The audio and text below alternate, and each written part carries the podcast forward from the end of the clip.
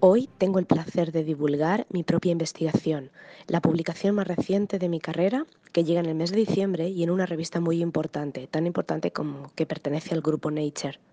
Tras la defensa de mi tesis, hemos trabajado aplicando todos los conocimientos adquiridos en lo referente a la maquinaria molecular implicada en la secreción o liberación de neurotransmisores, aquellos que hacen posible que nuestras neuronas se comuniquen. Los resultados de nuestro último estudio describen nuevos efectos farmacológicos para un fármaco que ya se usaba en esclerosis múltiple y que ahora sabemos que afectan a la maquinaria molecular de neurosecreción. Esto no había sido descrito hasta la fecha y tampoco se conocía la utilidad de tales efectos en el desarrollo de nuevas terapias contra el cáncer.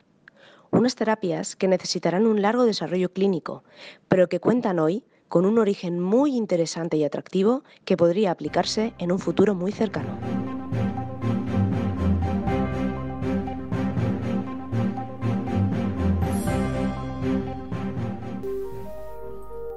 La teua ràdio vol felicitar a tots els seus oients i desitjar-los unes bones festes i molta felicitat per al 2020.